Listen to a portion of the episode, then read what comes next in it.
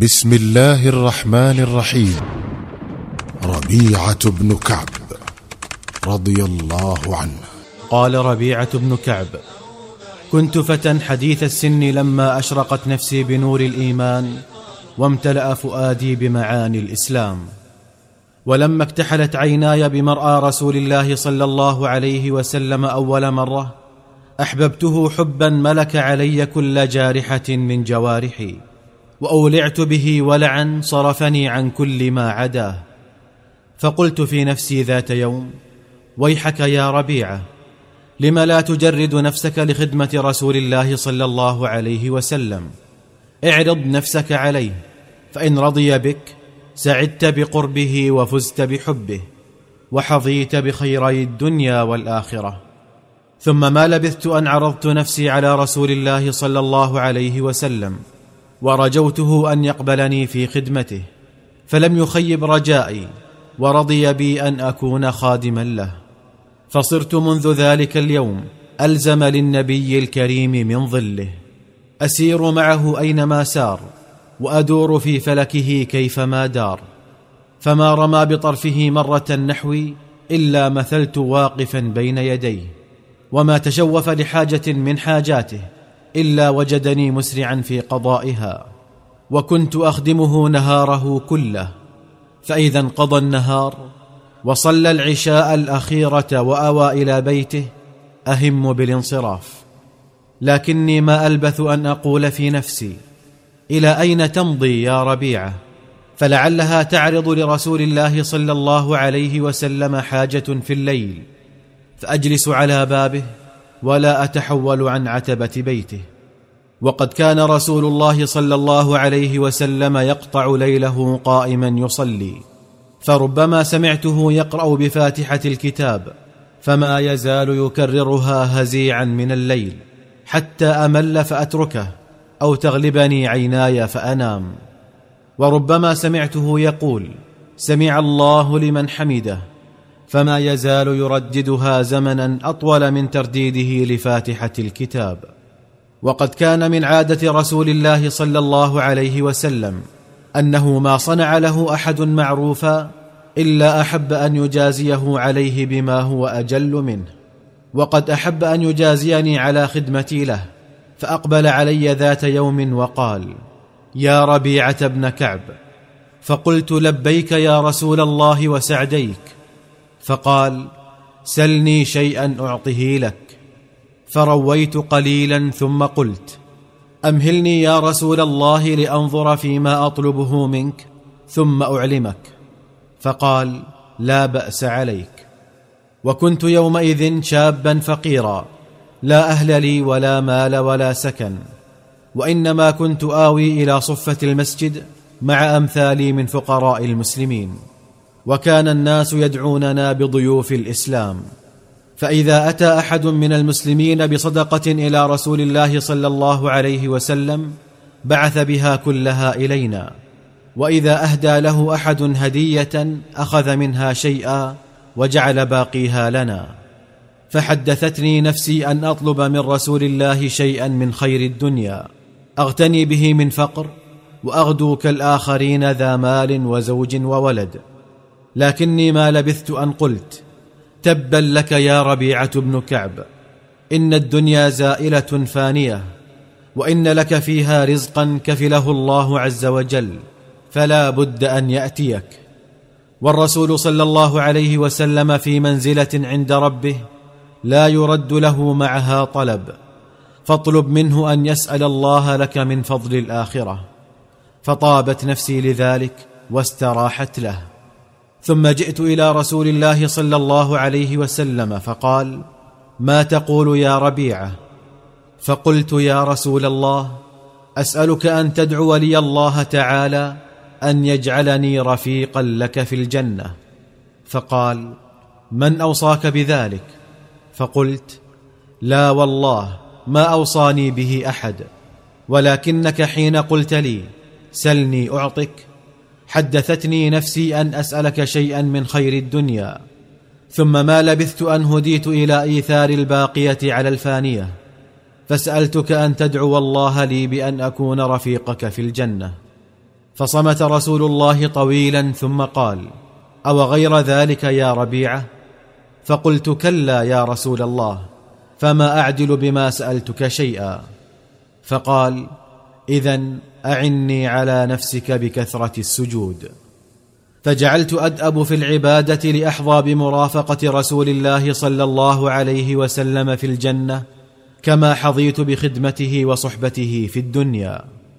ثم إنه لم يمض على ذلك وقت طويل حتى ناداني رسول الله صلى الله عليه وسلم وقال ألا تتزوج يا ربيعة؟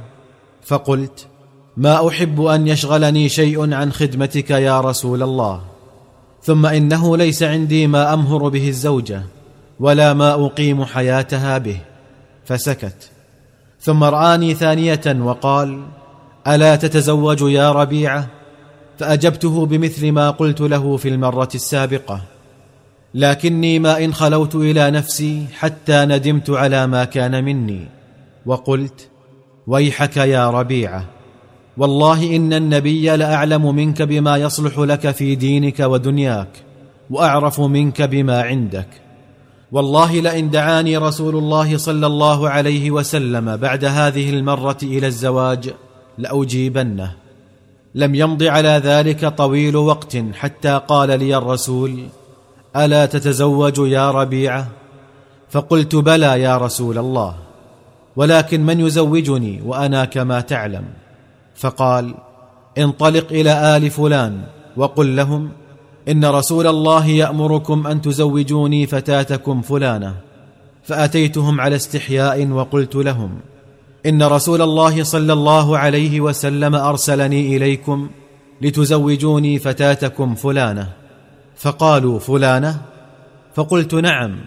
فقالوا مرحبا برسول الله ومرحبا برسول رسول الله. والله لا يرجع رسول رسول الله إلا بحاجته وعقدوا لي عليها. فأتيت النبي صلوات الله وسلامه عليه وقلت يا رسول الله لقد جئت من عند خير بيت صدقوني ورحبوا بي وعقدوا لي على ابنتهم فمن أين آتيهم بالمهر؟ فاستدعى الرسول بريدة بن الخصيب وكان سيدا من سادات قوم بني أسلم. وقال له يا بريدة اجمع لربيعة وزن نواة ذهبا فجمعوها لي. فقال لي الرسول صلى الله عليه وسلم اذهب بهذا إليهم وقل لهم هذا صداق ابنتكم. فأتيتهم ودفعته إليهم فقبلوه ورضوه وقالوا كثير طيب. فأتيت رسول الله صلى الله عليه وسلم وقلت ما رأيت قوما قط أكرم منهم فلقد رضوا ما أعطيتهم على قلته وقالوا كثير طيب. فمن أين لي ما أولم به يا رسول الله؟ فقال الرسول لبريدة اجمعوا لربيعة ثمن كبش فابتاعوا لي كبشا عظيما سمينا. فقال لي الرسول صلى الله عليه وسلم اذهب إلى عائشة وقل لها أن تدفع لك ما عندها من الشعير.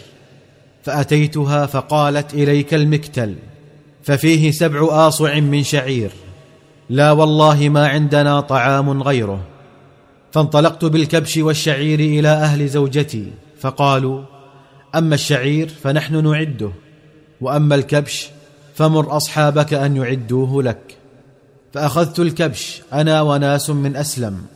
فذبحناه وسلخناه وطبخناه فأصبح عندنا خبز ولحم فأولمت ودعوت رسول الله صلى الله عليه وسلم فأجاب دعوتي. ثم إن رسول الله صلى الله عليه وسلم منحني أرضا إلى جانب أرض لأبي بكر فدخلت علي الدنيا حتى إني اختلفت مع أبي بكر على نخلة فقلت هي في أرضي. فقال بل هي في أرضي. فنازعته فأسمعني كلمة كرهتها. فلما بدرت منه الكلمة ندم عليها وقال يا ربيعة رد علي مثلها حتى يكون قصاصا. فقلت لا والله لا أفعل. فقال اذا آتي رسول الله وأشكو إليه امتناعك عن الاقتصاص مني. وانطلق إلى النبي فمضيت في إثره. فتبعني قومي بنو أسلم وقالوا هو الذي بدأ بك فشتمك ثم يسبقك إلى رسول الله صلى الله عليه وسلم فيشكوك؟ فالتفت إليهم وقلت ويحكم أتدرون من هذا؟ هذا الصديق وذو شيبة المسلمين. ارجعوا قبل أن يلتفت فيراكم فيظن أنكم إنما جئتم لتعينوني عليه فيغضب. فيأتي رسول الله فيغضب النبي لغضبه فيغضب الله لغضبهما فيهلك ربيعه فرجعوا. ثم أتى أبو بكر النبي صلى الله عليه وسلم وحدثه الحديث كما كان فرفع الرسول رأسه إلي وقال يا ربيعة ما لك وللصديق؟ فقلت يا رسول الله أراد مني أن أقول له كما قال لي فلم أفعل. فقال نعم. لا تقل له كما قال لك ولكن قل غفر الله لأبي بكر. فقلت له غفر الله لك يا أبا بكر. فمضى وعيناه تفيضان من الدمع وهو يقول جزاك الله عني خيرا يا ربيعة بن كعب. جزاك الله عني خيرا يا ربيعة بن كعب.